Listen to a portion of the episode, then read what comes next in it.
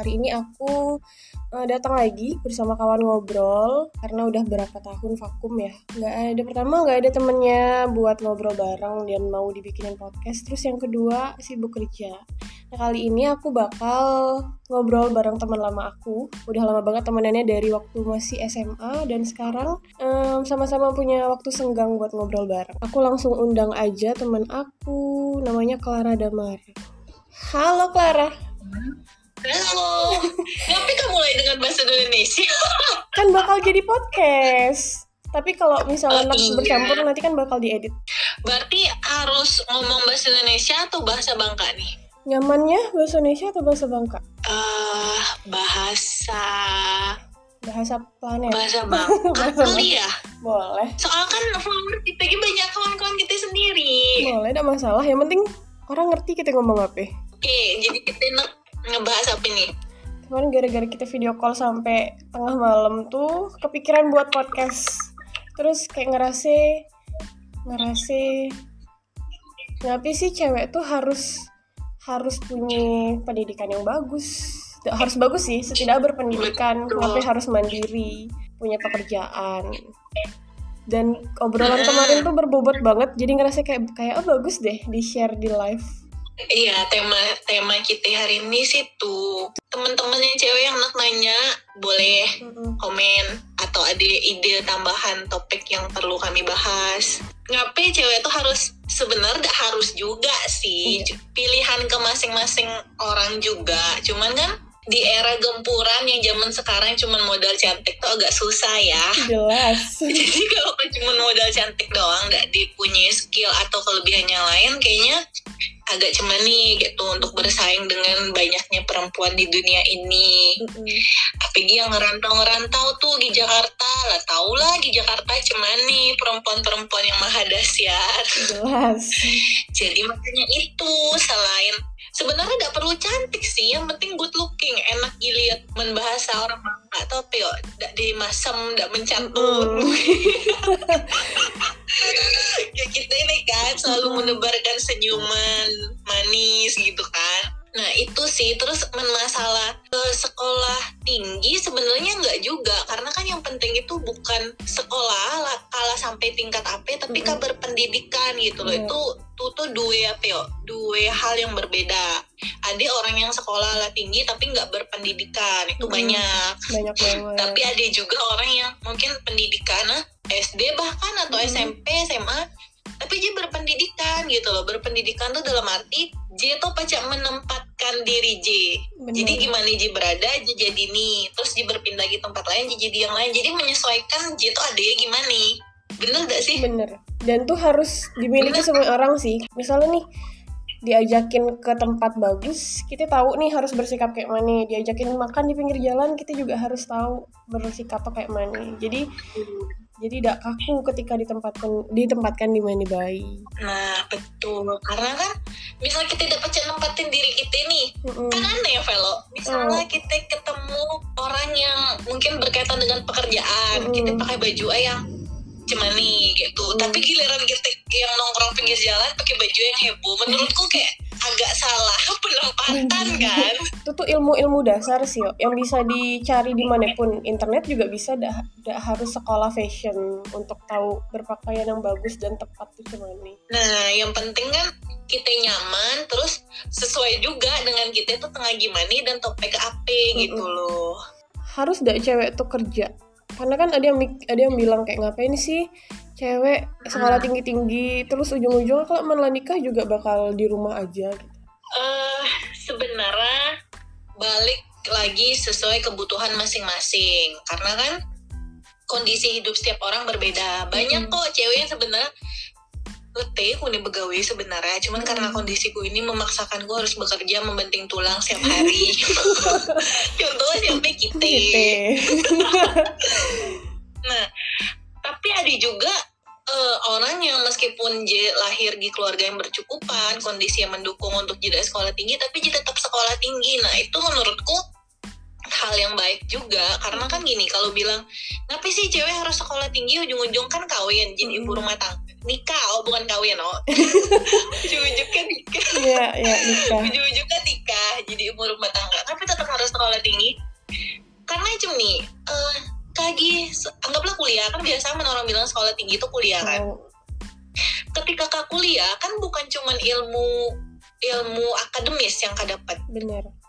Kayak misalnya kayak kita ini anak-anak konten kan? Kan bukan cuma ilmu konten yang kita dapat. Jadi kuliah tuh kayak yang pertama sih kesabaran. Apalagi pas kan nyusun skripsi yo yang gimana harus sabar banget menghadapi dosen kak dengan draft draft skripsi kak kayak harus ikhlas dicoret-coret dan segala macam itu kesabaran loh oh, dan iya. menurutku itu tuh kayak melatih mental kak banget apalagi pas ke sidang Mm-mm.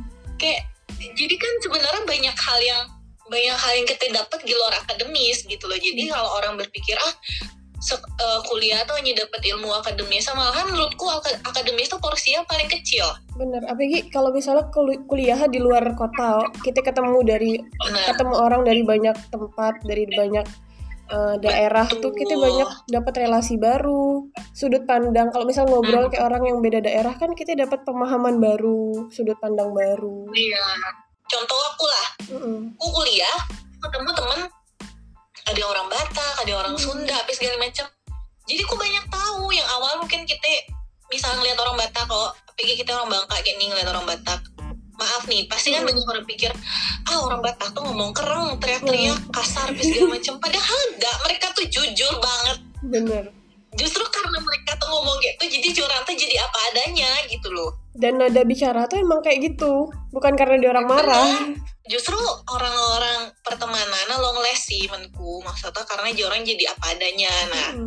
gitu tuh kan kita jadi dapat pengalaman kan yang awalnya mungkin men kita di dalam kota yang sami mungkinnya kayak kita ini di Bangka kan kita nggak punya kesempatan untuk mengenal orang yang di luar kan. Nah Hmm. mumpung ada kesempatan kita kuliah nah kita ambil kesempatan tuh untuk kenal banyak orang apa segala macam. Karena justru akademisnya udah tahu karena aku jujur meskipun aku kuliah aku ngelamar gawe udah pernah sih orang nanya name IPK aku berapa. Sama. Jadi sebenarnya nggak- bener kan Fel? Dan ku bekerja bukan di bidang akunting kok. Ku bagian frontliner yang melayani orang dan sama sekali tidak diajarkan dalam sekolah. Kita kan cuma diajar cuma Nah, nih menyusun neraca keuangan. Nggak ada diajar gimana melayani nasabah tuh gak ada Iya, padahal kan ilmu-ilmu melayani orang tuh bukan accounting banget toh. Mm-mm. Accounting tuh justru kayak ke orang bel- belakang layar gitu Bener. loh. Yang kayak kerja cuma depan komputer Mm-mm. gitu-gitu. Nah, ternyata sekarang kak jadi gawe harus ketemu banyak orang. Cari ngomong ke orang cuma nih nah gitu gitu tuh kan deh. Emang ada dulu namanya pelajaran cara ape ape tak deh kan? Deh. Dan tuh belajar pas lah kerja baru belajar lagi. Ada kelas lagi, belajar dari awal. Tuh, jadi kan akhirnya secara nggak langsung ilmu-ilmu kayak gitu kita dapet. Bukan yang kayak eh, justru akademis atau yang kayak ya udah kayak cuma berapa persen sih menurutku. Justru lebih fokusnya ke yang lain-lain nah Nah terus Clara kan kuliah di Jakarta nih, sekolah di. Jakarta, eh kerja di Jakarta. Kenapa memilih merantau? kenapa memilih merantau? Bingung juga sih sebenarnya. Karena kan eh, gini bukannya berarti orang merantau itu bilang pendidikan di daerah tidak bagus oh Hmm. di Bangka sekarang menurutku kampus-kampus juga lah oke kok pendidikannya gitu loh apalagi di bidang ekonomi kayak kita ya konten Hmm. tuh maksudnya lah lah Hmm. banyak lah orang-orang hebat nah apa milih merantau balik lagi sebenarnya yang yang pengen dicari itu pengen ngeluasin circle gitu loh Mm-mm. yang ibaratnya kan akhirnya ketika aku memilih merantau kenal nih ada orang Sunda ada orang Batak ada orang tuh ada orang nih. Terus kayak ngerasa kalau memang Jakarta tuh seperti ibu tiri. Jadi harus kuat mental. Lalu, jadi kayak bener-bener ngerasa kakak tuh harus bener-bener survive yang gimana kan ngerantau terus mengi Bangka kan ibarat kita tidak di duit tidak diusah takut gak makan velo. Karena keluarga Kawan banyak. iya. Terus di Bangka ibarat kalapar makan muti pucuk ubi ge Makan. kayak belacan itu lah enak banget kan ya mungkin pertama mikirnya di Jakarta ibu kota lebih banyak peluang untuk dapat kerja karena kan Hmm. pekerjaan banyak nih lowongan pekerjaan di di Jakarta Mm-mm. ya meskipun secara persaingan juga jadi lebih berat oh karena kan Iya. semua orang ngumpulnya jadi di Jakarta nih Mm-mm. ya tuh sih mungkin karena aku orangnya suka tantangan no jadi oh aku baca nih aku pasti bisa nih melawan mereka semua pasti bisa? Jadi merasa tertantang ah, pengen lah nyobain nih ke Jakarta. Kayak mana sih rasa tinggal di Jakarta? Karena dulu waktu lagi kecil-kecil tuh ngeliat di TV kok keren loh Jakarta tuh banyak gedung-gedung tinggi. Kayak keren lah dulu oh, waktu aku pertama ke Jakarta kan naik taksi Bluebird nih cerita dulu belum ada ya Gojek go Gokar apa segala macam tuh kan. Aku tuh selalu setiap sampai ke Jakarta gitu dalam taksi itu yang pertama sih ku muntah. Karena dulu tuh ku katro banget percaya naik mobil setiap naik mobil tuh pasti muntah. Oke oke terus. itu yang pertama. Nah terus sepanjang jalan tuh aku ngeliat gile keren gitu ke Jakarta gitu bang kapan ya deh kayak ini bang gak tiap hari kuning hutan. Tapi zaman ku pertama kali ke Jakarta tuh kok guys di tahun berapa itu kan? Oh sampai Jakarta tuh kayak gile keren banget. Kayak lah di bangunan-bangunan tinggi file kebayangan Hmm. adi bule segala macam. Gimana kan nih kita tuh bule? Jadi gue luar. kayak gimana kita macam di bule ya. Bisa di bule dari deket tinggi mancung cakep. Aduh kayak gile Jakarta tuh ternyata se segininya gitu loh. Nah terus pas gue ngeliat tuh waktu kecil tuh aku kayak ngomong kan kayak diriku sendiri dalam hati semoga lah kalau bisa aku baca begawe di tempat yang gitu dan ternyata. Berhasil. Gitu meskipun lah keluar. Oke. belum pindah tempat gitu loh. Jadi sebenarnya ngapain milih merantau karena awalnya tuh kekaguman ngelihat Jakarta gitu loh. Ngelihat Jakarta tuh cuman nih dengar-dengar cerita orang. Terus kan mana orang hati apalagi kita orang daerah nih pasti kan orang bilang kang rantau lah ngadu nasib. Ibarat men Hmm. orang Bangka tuh Oh bener. ngadu nasib aku gisanin gitu loh. Kalau memang kan banyak juga sih perantau yang kayak eh, berapa lama terus balik ke kampung masing-masing kan. Itu loh. Ada yang mungkin ngerasa tidak cocok ada yang ngerasa ya banyak lah atau ada yang ngerasa oh pulang sukses nih balik gitu loh ke daerah masing-masing. Ada juga gitu. Mungkin Clara nah kalau ibu Novel Apa? kenapa ya tidak merantau? Kenapa? Kenapa tidak merantau? Tuh Saya tuh sebenarnya bukan orang Bangka. Saya tuh keturunan Jawa. Jadi apa aku tuh orang Jawa, sama aku tuh orang Palembang. Aku lahirnya di Palembang dan nah, di sebenarnya yang merantau tuh yang dari kecil eh aku tuh sebenarnya merantau dari kecil karena aku bukan asli Bangka. Dan kenapa tetap stay di Bangka? Karena yang pertama Bangka tuh menurutku tempat paling nyaman. Karena yang pertama kalau di kota-kota besar kan pasti macet terus Bener. polusi bising segala macam. Dan ku bukan orang yang suka terlalu suka keramaian no. Suka sih nongkrong bareng kawan segala macam. Tapi untuk setiap hari menghadapi keramaian tuh agak membikinku nyesek. Kayak riweh di otak gitu. Jadi memilih Bangka karena menurutku masih aman masih aman tidak terlalu ramai gitu. Dan kenapa masih bekerja setelah kuliah juga di Bangka kerja di Bangka juga. Karena eh, lah mulai bisa beradaptasi di Bangka. Lah mulai bisa beradaptasi di Bangka terus juga nyaman dengan orang-orang yang ada di Bangka jadi ya tetap stay di Bangka karena itu sih nyaman. Bukan bukan berarti aku udah suka tantangan no aku orangnya suka banget tantangan.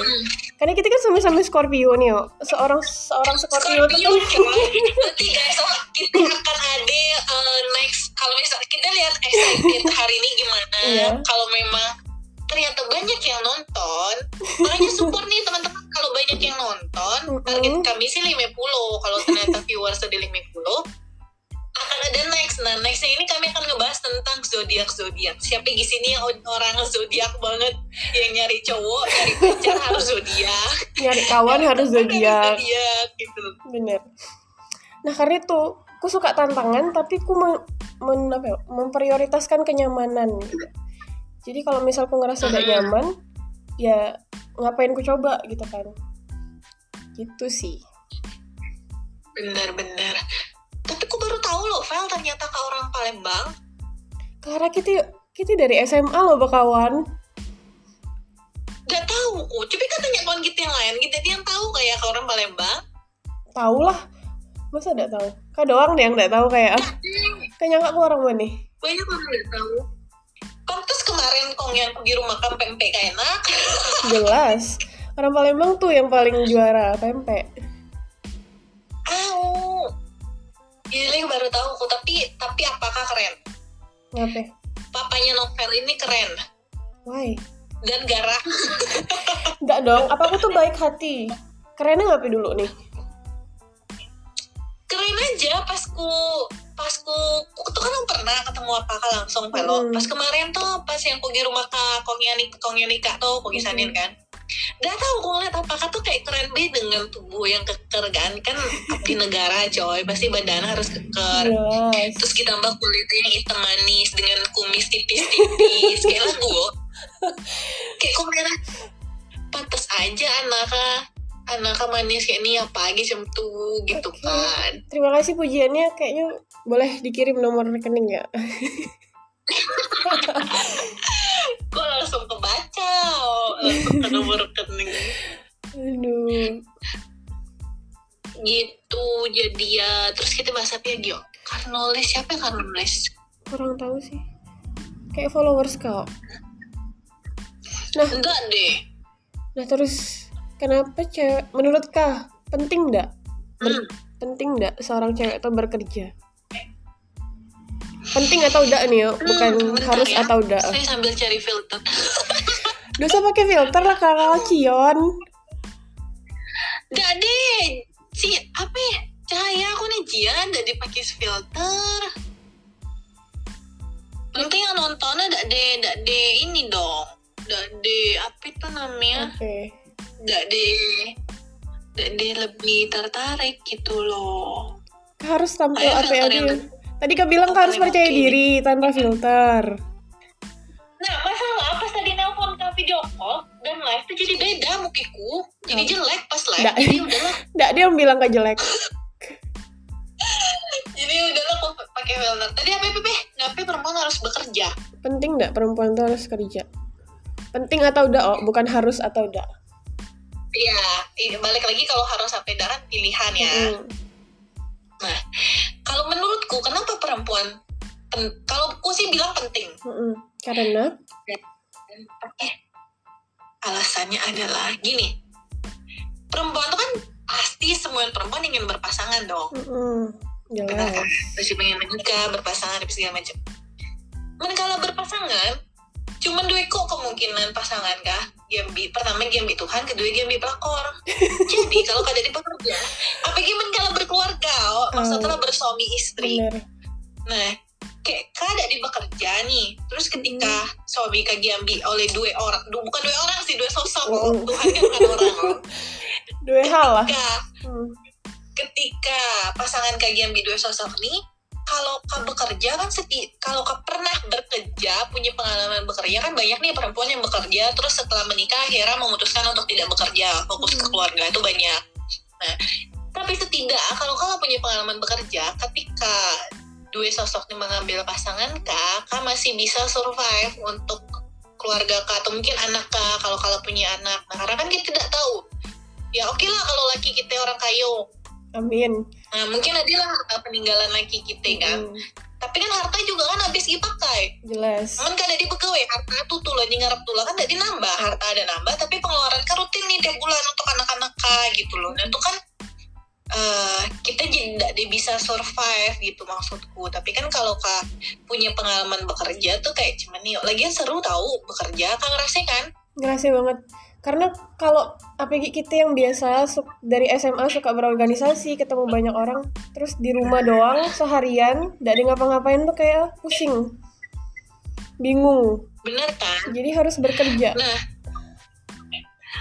terus kayak kalau kada di kerja nih kaki rumah dewe kayak ngerasa aduh kok harus ngapain sih? Terus kayak makin gendut dah Allah makan tidur makan tidur. Paling geraknya cuma nyapu rumah kok nyapu nyuci piring doang itu doang sih kayak udah tahu kan ngapain gitu loh. Tapi kalau bekerja kan kayak ngerasain bangun pagi telat ke Oh. kantor. Terus kayak ngerasain Feni Sutiawati endut setuju. Karena setuju. Anda mengalami hal yang sama ya Dut. Harus. jadi emang gak bekerja tuh tidak akan ngerasa ya tuh struggle struggle stres stres bekerja ngumpulin Hmm. duit buat traveling terus habis lagi kumpulin lagi kayak tuh be terus hidup. Makanya nanti udah dikaya kaya kalau orang nanya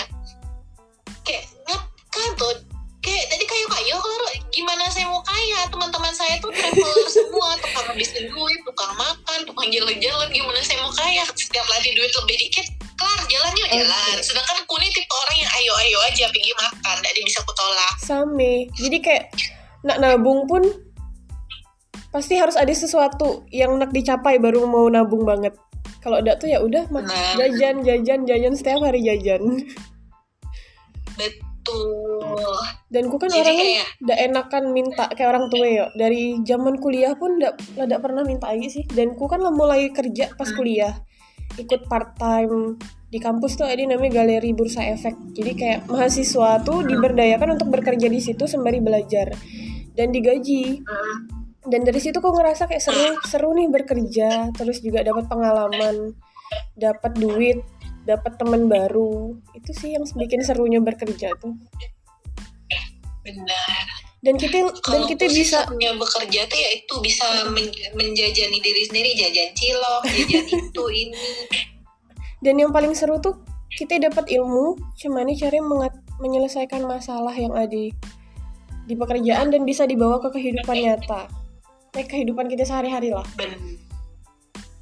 Bener terus kalau bekerja tuh kayak kita ngerasa bisa belajar untuk ini gak sih bertahan ketika di tekanan apalagi kita lagi begawe ke orang oh Mm-mm. tekanannya tuh dahsyat sih menurutku Dahsyat banget. Pernah gak sih sampai nangis pas begawe?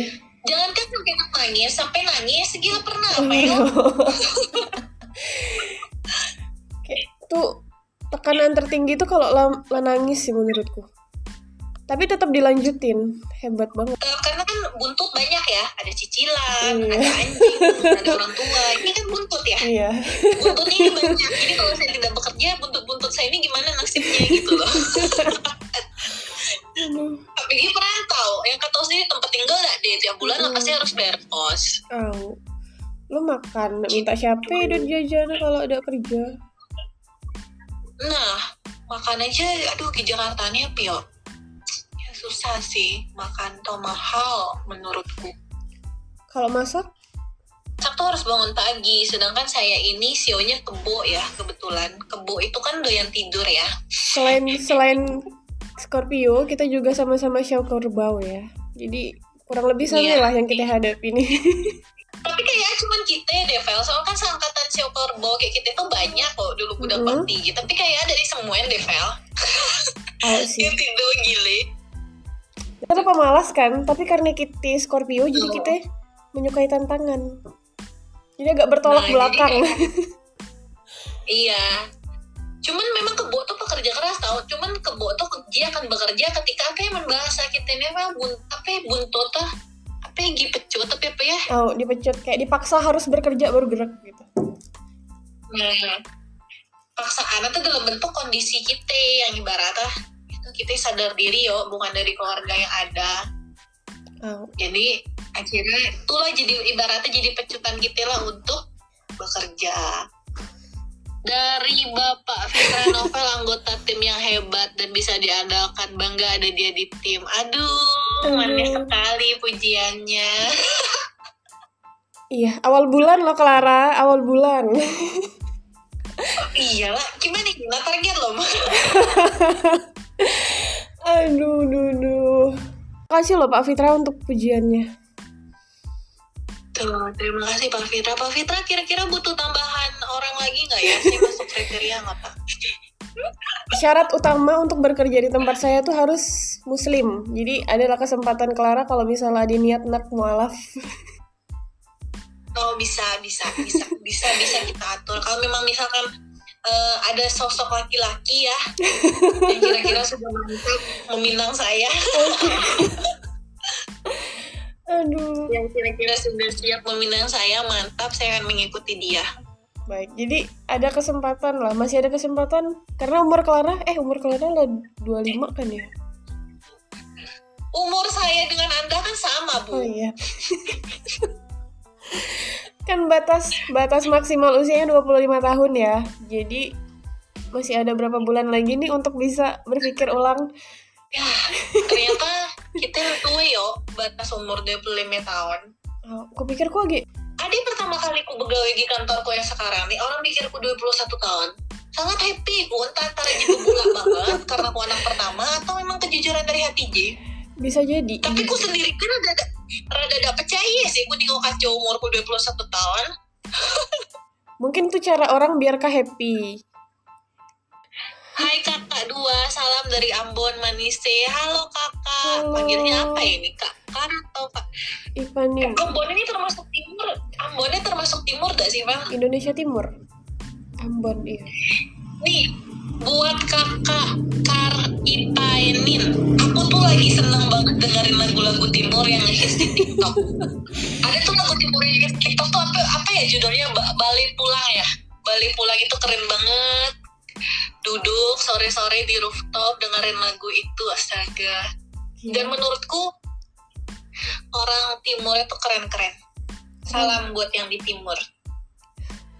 Pengen ah, pengen nyoba nyoba temenan, nyoba deket sama orang timur biar diajarin bahasa timur. Wow, Wih. wow, wow. Mantap gak sepi-sepi kan? Boleh. Ya, followers yang dari timur boleh di follow kakaknya yang namanya Damara Clara ya, nama IG-nya. Clara, adik, IG aku. adik mama kan nonton Clara. Tapi Oh, biarlah Jin ngeliat kak akhirnya biar Jin tersadar kalau ternyata anak aku ini eh, Ada sudah- gunanya ya. sudah dewasa ya sudah berani sudah berani eh, tuh kan Angin eh Angin kasih kabar aku tahu lagu nih Coba coba tahu ini TikTok Pel Tahu, tahu, tahu. tapi malu nyanyi sore Ama kan nonton live nih pasti bangga kayak, wow anakku ternyata bisa juga ya. Berani Iya, berbicara. karena selama- betul karena kayaknya selama ini Ji, Ji agak malu oh, punya anak kayak Kune yang gimana nih notabene keluargaku tuh yang diam yang uh, menjaga nama baik keluarga sedangkan saya mencoreng nama baik keluarga. Dengan tingkat tingkat tingkat saya emang gila ini. Cantiknya kata Ama kah? cantiknya makasih mami. Sebenarnya ini cuman ini uh, formalitas. Kan ditonton banyak orang ya. Biar kesannya biasanya wow. Biar kesannya baik nih. Feni, Feni nyanyi kali nyanyi dikit, disuruh nyanyi kelar. Jangan Dut, kan kamu tahu suara aku gimana. Kalau aku nyanyi bisa-bisa handphone ini pecah. Bukan hanya bukan hanya viewersnya yang live, tapi handphone aku bisa pecah. Kamu tahu kan suara aku gimana?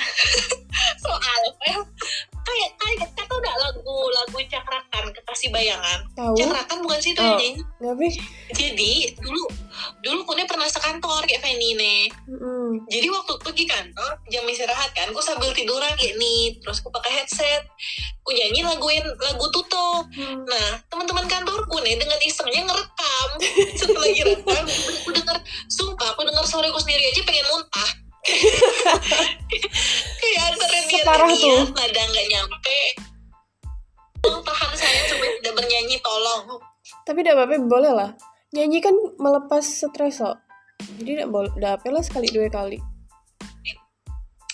Iya sih, cuman ya gimana ya nantilah. Makanya kemarin pas ku pulang di kafe nggak nggak mau nyanyi. Yuk kita ku pulang Imlek nih kita nyanyi yuk pub so. Awas lo. Kalau sepi berani lah.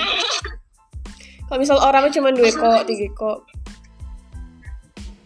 Masalah kan di situ udah pernah sepi. Oh sih. Sebenarnya aku ini percaya diri. Cuman untuk hal-hal yang bikin ku malu, untuk bermalu dengan jangka waktu yang lama, tidak siap ku. Oh gitu. Kalau nyanyi nih, Mak, misal fales kan bakal dibahas terus nih kayak orang-orang yang lihat nih. Nah, tidak siap ku yang kayak itu kayak itu. Eh kakak ini kakak Kar pamit nih. Kakaknya beta pamit eh. Iya kakak, makasih ya udah nonton live-nya. Nanti kalau sempat dan ternyata kita masih live join lagi ya. Iya. Dadah.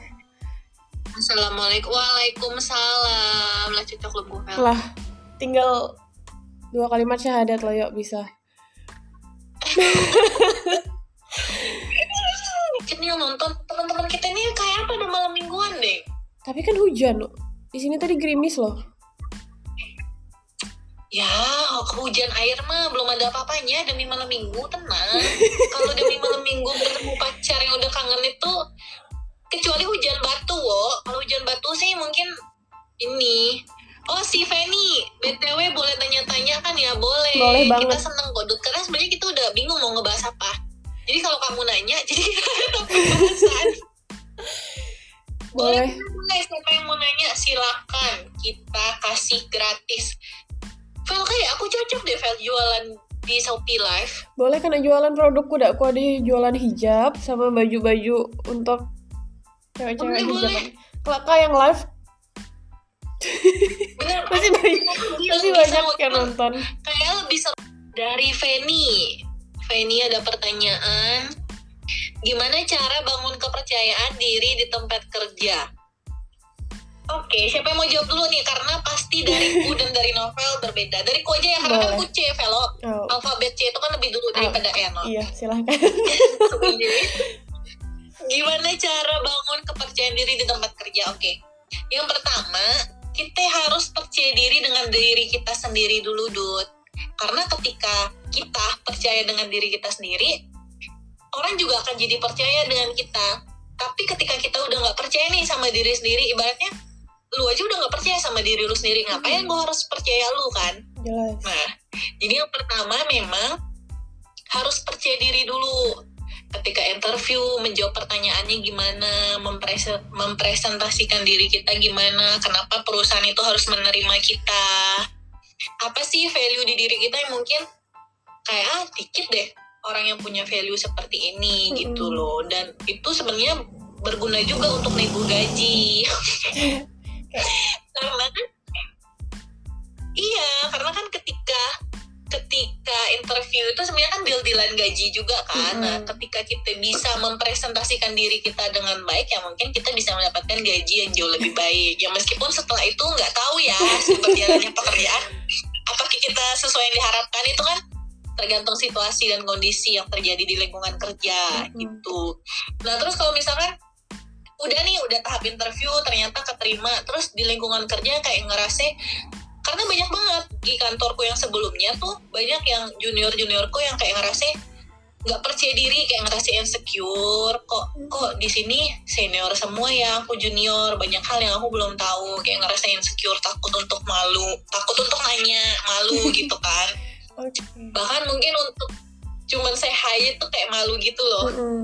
Kayak ngerasa kayak ya nanti kalau aku hi akan dibalas atau enggak ya nah menurut aku itu baiknya kayak kita lebih yakin aja sih kalau memang ada yang nggak ngerti atau ada yang nggak tahu kita lihat situasi dan kondisi dulu apakah senior ini bisa ditanya karena kan kalau lagi jam kerja itu orang pasti pada sibuk kan Bener. Nah, tapi ketika kalau kita melihat senior kita atau teman-teman di sekeliling kita bisa ditanya, ya monggo silakan tanya aja gitu loh. Dan aku yakin pasti akan ngejawab sih, Dut.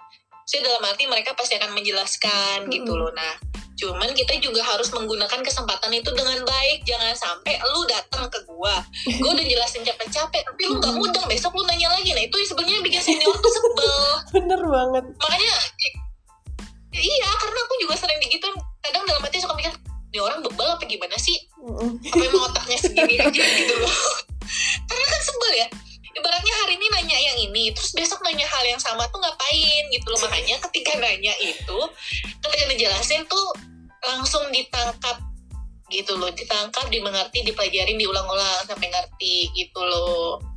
Nah sebenarnya dengan kamu sering nanya juga kan jadi sering banyak tahu. Nah nanti Hmm. juga kamu akan pinter dengan sendirinya gitu loh. Dan terus belajar kayak eh pelan-pelan tuh kayak pelajarin eh, senior kamu di kantor tuh karakternya gimana? Jadi kamu bisa menyesuaikan. Misalkan ada senior yang sukanya ngopi nongkrong. Nah yaudah kamu sering kalau sering-sering ngajak kah ngopi yuk. Pasti tuh mau. Kalau kalau tipe orang yang suka ngopi suka nongkrong diajak ngopi punya temen ngopi itu pasti senengnya luar biasa. Contohnya saya. Itu yang pertama terus Kode. misalkan dapet senior iya terus dapet senior yang kayak poppers. Mm-mm. kan zaman sekarang banyak tuh yang penyuka-penyuka Korea nah itu kamu ini aja kayak kak suka ini nggak? Sok-sok iya aja nggak apa-apa. Maksudnya buang malu aja dulu. Kan kadang kita harus mempermalukan diri sendiri ya. Nah gitu. Nanti lama-lama juga deket karena yang aku alami juga gitu dulunya. Menurut Oke. aku gitu. Gitulah Jadi kayak- tips dari Kak Clara ya. dari dari dari jangan kak dong ya meskipun sebenarnya sih si Fanny itu lebih muda dari kita setahun ya cuman kayaknya mending jangan kak deh anggap aja kita seumur. Terus dari eh, novel nih. Kalau dari biar aku, si Fanny bisa ada ada apa ya masukannya lebih banyak. Untuk membangun rasa percaya diri yang pertama harus siap. siap. Jadi sebelum kita memulai itu kita harus siapkan diri apa yang harus di kayak misalnya kalau interview. Pertama kan pasti harus siap secara fisik orang yang dinilai pertama kali yang pasti yang akan dinilai itu adalah penampilan. Jadi siapkan diri kamu baik-baik pakai baju terbagus yang kamu punya pakai parfum biar wangi terus juga senyum biar uh, positif vibe-nya tuh keluar gitu. Itu yang pertama. Iya, betul. terus siapkan diri untuk latihan ngomong lah. Misalnya kalau interview kan pasti akan tektokan nih ngobrol ditanya segala macam latihan ngomong malamnya atau cari informasi tentang perusahaannya biar nanti pas ditanya nggak kagok. Nah ketika sudah siap kalau ditanya kan pasti percaya diri nih kayak yakin. Jawaban saya benar. Dan jangan pernah jangan pernah ngerasa eh, jangan pernah ngerasa kecil diri. Anggap aja kita tuh udah Betul. siap yang di depan kita tuh sama kayak kita dan jangan pernah ngerasa kita lebih dari orang itu. Karena kan jatuhnya nanti sombong belum jadi apa-apa udah sombong nih orang-orang pasti akan mikir kayak gitu kalau misalnya udah terlalu tinggi hati. Terus kalau udah mulai masuk ke lingkungan kerja kan kita orang baru nih pastinya kita harus adaptasi. Nah adaptasinya itu Eh, yang pertama jangan malu buat menyapa dulu. Orang kan biasanya kalau kalau anak baru ini kan pasti malu-malu. Menganggap semua Hmm. orang yang di sekitarnya itu orang-orang yang bakal ngejudge orang baru ini padahal enggak cuman karena belum kenal aja gitu. Jadi harus beranikan diri menyapa dulu sambil mengenal nama mereka kan. Kadang orang paling suka tuh disebut namanya loh. Kayak misalnya pas-pasan sama orang baru papasan sama orang baru terus dipanggil namanya pasti happy dong. Nah itu cara banget lah. Heeh, cara membangun percaya diri yang baru masuk ke tempat kerja. Terus yang kedua Hmm, harus mau harus harus banyak belajar juga. Karena kan ker- tempat kerja nih geraknya cepet ya? Nggak ada orang yang mau ngajarin kamu hal yang sama berkali-kali kayak Clara bilang tadi. Jadi selain kamu nanya kamu harus cari tahu jin sendiri juga. Nah ketika punya ilmu yang banyak nih pasti rasa percaya dirinya makin nambah. Nah terus kalau aku sih ya karena aku kan udah lumayan kerja di tempat yang sekarang lumayan lama kerja di tempat yang sekarang. Cara aku membangun percaya dirinya dengan aku mem, apa ya membangun membangun image baik dan membangun image bahwa aku tuh tah apa punya mental yang kuat. Mau dimarahin mau di mau ditekan segimanapun aku kuat. Terus aku juga berusaha untuk selalu berprestasi. Setiap bulannya harus ada pencapaian walaupun nggak di semua lini ya. Setidaknya dalam satu bulan tuh aku men, ya, mencetak prestasi lah. Jadi aku rasa percaya diriku tiap bulan tuh menam, bertambah. Jadi ketika ada yang bilang ah novel kinerjanya menurun atau ah novel ternyata nggak ada apa-apanya aku bisa jelas aku bisa banggain oh ternyata omongan kamu nggak bener kok aku punya prestasi nih kinerjaku bagus kok betul. itu cara membangun percaya diri. Jadi dari awal persiapkan diri yang penting terus belajar cari tahu banyak hal dan terus jangan pernah jangan pernah ngerasa orang lain ngejudge kamu. Anggap aja Benar. karena baru belum kenal jadi kita harus apa ya karena orang baru kita harus berani menyapa dulu. Itu sih. Dan jangan Iya. dan jangan jangan pernah jadi orang sombong. Karena kalau udah sombong attitude kita tuh pasti dilihat kan di tempat kerja. Kalau udah sombong lingkungan kerja kita juga pasti akan apa ya nggak secara nggak langsung nih nggak nyaman karena keberadaan kita di situ gitu. Iya. Cuman gini, kalau masalah sombong ya, kalau menurut Mm-mm. aku pribadi, untuk orang-orang yang nggak suka sama kita atau iri atau pengen menjatuhkan kita, itu wajib kita untuk sombong ke mereka. Kalau perlu kita keluarkan semua kesombongan kita untuk orang-orang seperti itu. Nah kalau misalnya Supaya pamer kayak gitu gitu. nggak masalah, nggak masalah banget kayak gue keren kok, gue hebat ngapain? Ya kalau kalau kayak gitu sih nggak masalah. Maksudnya sombong untuk hal yang nggak ada nih, nggak ada pencapaian apa-apa, tapi mau show off terus. Nah itu kan yang bikin orang gedek ya kadang. Sebenarnya orang-orang kayak gitu tuh selalu ada di setiap kantor. Ini Feni Sutiawati atau Endut udah jelas belum jawabannya? kalau mau nanya yang lain nggak apa-apa, mumpung gratis. Nanti ke depannya kalau kita udah jadi terkenal, Iya. bayar ya setiap ke depannya. mumpung ini masih gratis dan kita belum terkenal. Tapi balik lagi ngomong tentang kepercayaan diri ya. Sebenarnya kepercayaan diri itu bukan cuma tentang di dunia pekerjaan juga tapi terkait dengan tema kita juga nih. Nah kepercayaan diri seorang perempuan di kehidupan sehari-hari itu juga penting sih menurut aku. Pasti banyak kayak perempuan-perempuan zaman sekarang tuh ya memang karena tarik pendidikan di Indonesia itu kan harus kurus. Kulit putih tinggi Ya, kulit putih, hidung mancung, mata belok. Sedangkan untuk orang-orang a- kecina-cinaan seperti saya ini, matanya kan nggak bisa belok ya. Iya. Sih takdir dari yang maha kuasa kalau mata kita tuh sipit, ya kan? Iya. Nah, gimana sih biar orang-orang yang jauh dari standar-standar itu tuh merasa percaya diri? Itu banyak banget sih yang kayak temen bahkan teman-teman aku aja tuh kayak, kok gue nggak percaya diri ya Klar, kayaknya nggak akan ada di orang yang suka sama gue nggak akan ada di cowok yang tertarik sama gue soalnya gue udah hitam pendek pesek hidup lagi.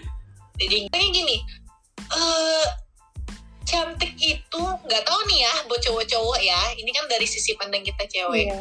kalau menurut aku sih cantik itu yang penting enak dilihat bener. basicnya. Bener banget. Gitu loh karena yang namanya apa ya apa sih bilangnya aura ya? Mm-mm. yang penting tuh kan auranya positif. Nah cewek itu mau secantik apa pun kalau auranya negatif kayak males gak sih buat berusaha untuk kenal lebih jauh gitu Iya. loh. Orang negatif tuh kayak Nah. menyebalkan gitu selalu bikin suasana nggak enak gitu ya. Yang orang-orang di sekitar nggak nyaman lah kalau ada dia gitu kan. Karena karena semakin semakin dewasa ya apalagi aku nih aku tuh sangat merasakan kalau aura tuh bener-bener kita bisa merasakan kayak misalkan kita lagi bareng nih sama orang yang auranya tuh positif Mm-mm. eh yang pos iya yang positif jadi kita juga bawanya positif jadi pengen Bener. senyum terus ketawa terus ngebahas hal-hal juga yang positif Mm-mm. tapi kalau kita berhadapan sama orang yang aura negatif kita juga jadi emosian loh ibaratnya Bener. ngelihat mukanya aja kayak apa sih nih orang kita jadi ngejulit kan Iya. pagi-pagi udah bikin dosa Iya kan tapi kalau kayak ngelihat orangnya apalagi di lingkungan kantor nih yang vibe-nya pagi-pagi udah ngucapin selamat pagi. Ini buat teman-teman nih yang kerja menurut aku tuh ucapan selamat pagi itu penting guys untuk Penting di lingkungan kantor. Cuman sekedar say hi pagi semuanya atau pagi itu itu udah memberikan aura positif di pagi hari gitu loh untuk mengawali hari yang baik. Nah terus kalau mau terlihat cantik perempuan itu yang penting eh hidup sehat Mm-mm. makan sayur, olahraga.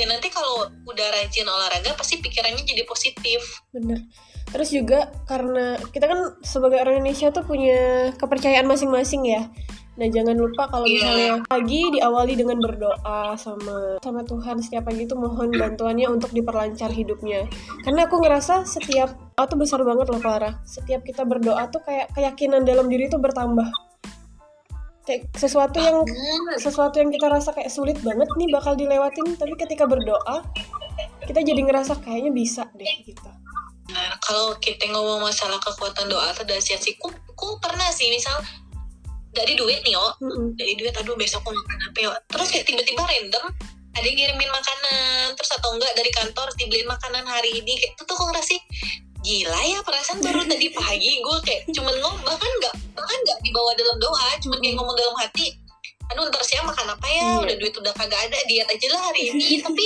kayak tiba-tiba ada aja gitu loh berkahnya kayak ngasih atau apa segala macem gitu kan Iya. Mungkin apa ya? Harus harus ter- harus terus baik sama orang-orang karena kita nggak tahu kebaikan mana yang akan dibalas gitu.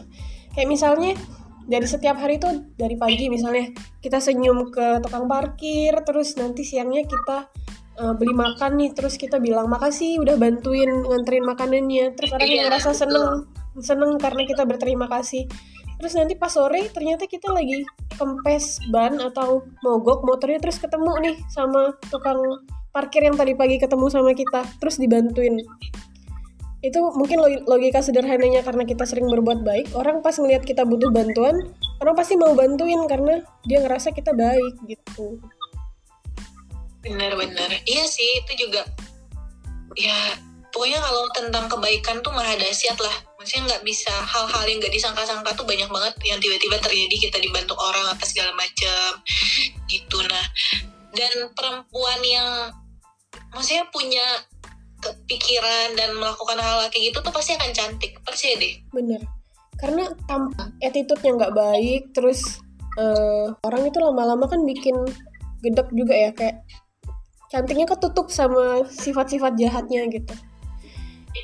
Iya nggak nyaman kan jadinya. Kan apalagi kalau buat berpasangan ya buat cowok-cowok nih aku pengen tanya emang nyaman kalau berpasangan cuman ngelihat mukanya aja gitu loh. Kayak kita kan ngobrol komunikasi ya masa hmm. lu ngobrol sama orang lu diem aja gini ngeliatin mukanya. Ya meskipun ada ya beberapa cowok yang kayak gitu aku udah pernah nemuin juga. Cuman jadinya kayak buang-buang waktu juga sih. Bosen kan gitu. jadi nggak ada yang dikerjain ngobrol nggak iya. nyambung gitu. Ini Sutiawati nih kamu nggak usah insecure kamu itu cantik Nah, Feni Sutiawati ini orangnya positif vibe banget. Aku nggak pernah ngeliat dia sedih. Mukanya selalu ceria. Bagus dong. Jadi, jadi makanya banget, makanya muka dia tuh awet muda. Nanti lah kalau kalau kapan-kapan ada kesempatan kalian aku pertemukan. Ih, positif vibe banget menurut aku orangnya kayak kayak ya mukanya tuh nggak pernah asem lah. Selalu tersenyum dengan kelucuannya itu. Harus kayaknya senyum itu membawa aura positif sih. Sekesel-keselnya, iya. sekesel-keselnya kita, kalau kita senyum keselnya tuh mereda dengan sendirinya. Karena kan aku kerjanya di di bagian pelayanan ya frontliner gitu. Hmm. pasti kan akan pasti kan pernah nih menerima komplain dari nasabah terus keluhan nasabah nasabah yang marah karena nggak puas dengan pelayanan segala macam kan kita tuh diajarin attitude ya ketika menghadapi orang dengan emosi tinggi tuh yang kita lakukan hanya bisa tersenyum. Mendengarkan semua keluh iya. kesahnya dan ketika ketika senyum walaupun kita pakai masker sih sebenarnya cuman kan dari mata kan kelihatan ya kalau senyum dan suara. Nah orang yang marah-marah tuh akan mereda sih. Kayak ketika ngeliat ngeliat orang yang dimarahinnya tidak ikut emosi dia kan kayak pelan-pelan juga reda sendiri. Gitu sih. Iya uh, dari mata. Karena ada yang pernah ada orang yang pernah bilang ke aku kalau mata tuh jendela dunia. Jendela hati. Kok jendela dunia sih? Jendela dunia bukannya buku? Aku bilang ini jendela dunia luas banget tuh ya mata sekecil ini jendela dunia. Mata itu jendela hati. Iya sih dari ngelihat mata tuh kita tahu orang nih suka nggak sama kita? Nyaman nggak kita berada di sekitarnya? Bener. Jadi kayak ya itu sih menurut aku. Oh, Peterson. Nah oh, Peterson, Peterson ini juga teman SMA kita yang WhatsApp. Kalau ini bro keren. Peterson ini bro keren. Keren banget. Bisa main alat musik. Iya. Jago banget main bisa, drum. Dia bisa bisa main alat musik bisa mainin hati orang. Semuanya dia bisa dia serba bisa pokoknya. Mainin apa pun dia bisa. Baru datang langsung diserang. Iya dia pokoknya Peterson keren. Buat yang mau cari-cari properti apa segala macam bisa ke Peterson DM. IG-nya apa segala macam nanti Peterson bantu guys. Pipi mbaknya gemes banget dah. Yang mana nih kak? Dua-duanya? Maksudnya pipinya menggemaskan ini live cari jodoh ya. Bisa bisa bisa. Ini live cari jodoh juga bisa. Siapa yang mau kira-kira berminat ya? Kebetulan untuk yang kakak berhijab udah ada jodohnya. Saya yang belum ada di sini kalau memang yang berminat ya nanti silakan DM saya. Nanti kita lihat proses pendekatan hasilnya gimana. Iya siapa gitu. tahu ada yang nyangkut. Kalau untuk kakak yang udah berhi yang yang berhijab ini jangan soalnya berat sehingga kalau anda tertarik sama dia soalnya uh, cowok dia sekarang keren. Aku aja nanya sama dia aku kayak modelan kayak cowok kamu gini? Gak ada unlimited katanya. Aku nggak bisa ditemuin nggak bisa ada lagi. Semua orang di dunia ini unlimited Clara. Kayak Clara aja nggak ada duanya di di dunia. Cuman Clara doang. Iya sih. Karena aku terlalu keren ya. Jelas. Apa yang tidak keren dari kamu Feni Setiawati cari jodoh. Nah, siapa nih yang kira-kira merasa cocok untuk Feni? Silahkan di DM ya, Feni di IG-nya. Feni ini orangnya positif vibe banget, lucu, imut, menggemaskan, dan mukanya baby face. kayak segmen minggu Silakan depan segmen minggu depan kita buka live cari jodoh gitu ya. Untuk teman-teman yang kesulitan menemukan pasangan kita adakan live-nya. Jadi kayak komen-komenan di bawah. Kita adakan gue sama lu ya teman-teman cari jodoh itu nggak dosa ya. Yang dosa itu kalau merebut jodoh kalau orang merebut. Nggak bisa dibilang merebut juga Iya sih. kan kalau belum dia belum jodoh artinya. Jam orang over overthinking dong jam 10-an kok overthinking sih? Ada yang mengerti overthinking itu maksudnya kayak kalau jam 10 malam kan kita udah tergeletak nih di kasur ya kan? Kayak nggak tahu mau ngapain lagi. Nah tiba-tiba otak kita tuh berpikir hal-hal yang random gitu. Apa aja dipikirin sampai kadang Clara nggak pernah overthinking? kalau semut dari nada nih guys. Guys bahas tentang cowok yang nggak bisa berkomitmen tapi mau pacaran. Aduh Aduh, kayaknya nih Clara yang jago deh nasib nasib kita hampir sama ya sekarang. Oke, kita jawab pertanyaan Nada dulu ya, Vel. Eh, Cowok. mohon maaf nih buat cowok-cowok yang lagi join di sini mungkin agak gimana ya bahasannya tentang cowok-cowok yang nggak berkomitmen tapi mau pacaran. Oke, gini. Kalau aku pribadi di umur aku yang sekarang, aku lebih memilih berkomitmen daripada berpacaran apa bedanya gitu. Bedanya kalau pacaran itu kayak udah males nggak sih buat eh karena kan kalau pacaran kayak cuman ngomong lu mau lu mau nggak jadi cewek gue udah gitu doang kan. Tapi kan kalau kayak berkomitmen ya meskipun yang namanya omongan nggak tahu ya ke depannya orang bisa berubah. Tapi kan kalau komitmen tuh ngomongnya gue serius nih sama lu dalam waktu segini gue akan nikahin lu. Oke. Sambil nah, sambil nunggu itu kita proses bareng-bareng. Lebih baik gitu. Nah cuman buat cowok-cowok zaman sekarang yang nggak mau komitmen dan pacaran gimana ya guys karena kan kita juga perlu jaminan nih Hmm. ibaratnya jangan sampai gue pacaran pacaran pacaran sama lu terus tiba-tiba bubar kan iya buang Sedangkan waktu umur kita ini udah kali umur kita ini udah kita ini udah tua kita ini udah 25 tolong dengerin kita gitu loh udah kecuali tua. kecuali kalian ketemu kita umur belasan. Oke lah Mm-mm. kita masih mau tuh diajak pacaran apa segala macam karena belum dewasa juga.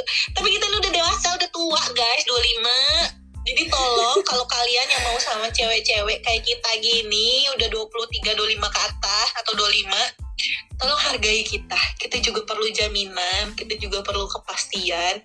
Pokoknya kalau kalian udah bisa ngasih komitmen ke kita tuh kita pasti jaga. Kita pasti bakal setia guys. Tapi emang kebanyakan karena karena mungkin ya kenapa nggak berani berkomitmen tapi mau pacaran? Mungkin secara mental dia belum siap. Mm-mm. terus secara finansial belum siap juga belum mapan. Tapi dia pengen ada seseorang yang menemani hari-harinya gitu. Kayak pengen ada nih yang perhatiin dia setiap hari. Tapi dia nggak yakin sama dirinya sendiri. Itu mungkin salahnya di cowoknya sih. Karena dia tidak punya rasa percaya diri dan tidak punya rasa tanggung jawab itu yang harus dibenerin Ye. yang harus dibenerin adalah si cowok ini harus punya rasa tanggung jawab dan percaya diri gitu. Biar kalau misalnya Benar ketemu ketemu sama orang atau ketemu sama cewek nih dia bukan cuma sekedar mau pacaran aja. Ketika udah berani deketin berarti dia harus secara nggak langsung harus eh, udah ada komitmen dalam diri bahwa ketika udah ngedeketin berarti jenjang selanjutnya harus diseriusin nih bukan cuma buat pacaran doang. Ya itu. Jadi buat cowok-cowok nih kalau misalkan kayak kayak Novel bilang tadi kalian ngerasa aduh gue belum mapan nih gue secara ini belum. Tapi gue ngeliat cewek ini kayak gue suka nih. Hmm. nih cewek ini gue cewek yang gue cari selama ini gue nggak bisa nih ngelepasin dia gue harus bisa sama dia. Kalian ngomong aja guys ke Hmm. ceweknya. Kayak ngomong panggilnya apa ya? Misalkan eh aku suka sama kamu. Aku ngerasa kamu kita udah klop cuman aku belum bisa eh menikahi atau menseriusi kamu dalam waktu dekat. Karena banyak hal yang aku persiapkan. Karena aku nggak mau kamu hidup susah. Aku pengen kita hidupnya lebih baik. Jadi eh gimana kalau kita jalan bareng aja kita komitmen Mm-mm. gitu loh. Pasti ceweknya mau lah. Percaya deh cewek itu kalau udah suka sama cowok beh jangan diragukan lagi yang dia mau apalagi cuma masalah berjuang cewek zaman sekarang apalagi ceweknya kayak nada gini ya. Nada ini cewek pekerja keras. Jadi buat cowok-cowok yang ngedeketin nada nggak usah takut. Gitu loh. Pasti dia mau diajak berjuang dan pasti yang pasti dia setia guys. Karena tipe-tipe cewek yang cari yang bisa cari duit sendiri itu biasanya mau diajak berjuang tapi nggak mau diajak susah ya guys. Semua Iya, bedain- tuh ada yang mau diajak bedain susah. mau diajak susah sama mau berjuang bersama. Kalau diajak susah tuh berarti si Iya. cowoknya nggak ada effort untuk menjadi lebih baik kan? Kayak ya udahlah segini-gini aja gitu.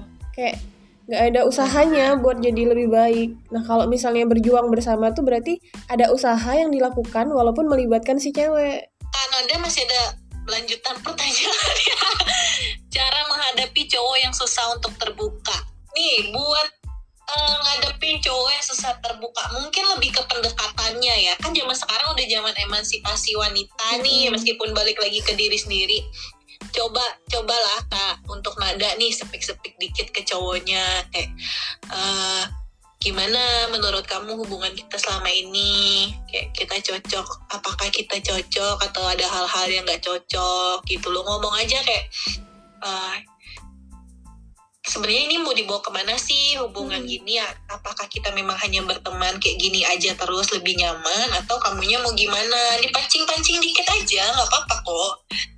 Biar dia lebih terbuka. Kadang kadang cowok itu ada beberapa cowok nih ya yang sepengalaman aku ada beberapa cowok yang memang harus ceweknya lebih agresif itu ada gitu. Kayak Leo cowok kayak contohnya gitu ya. tuh nggak akan nggak akan memandang kita aneh kok.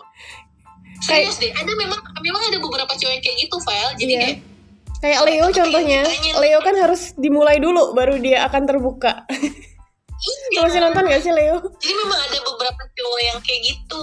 Oh, jadi nggak masalah nada. Ayo ayo kamu bisa demi masa depan kita perjuangkan sama-sama. Gitu untuk Kanada. Eh tau nggak? Ada yang Terus nanya tadi nih. pertanyaan yang selamat nih Vel. Kak mau nanya, kalau istri lagi hamil boleh nggak makan durian?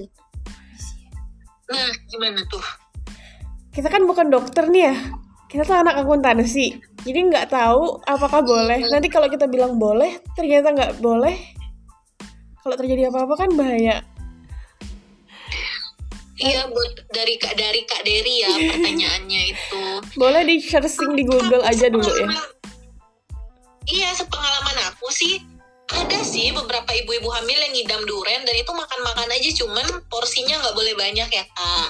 Mungkin boleh makan duren tapi dikit aja. Kebetulan kita belum pernah hamil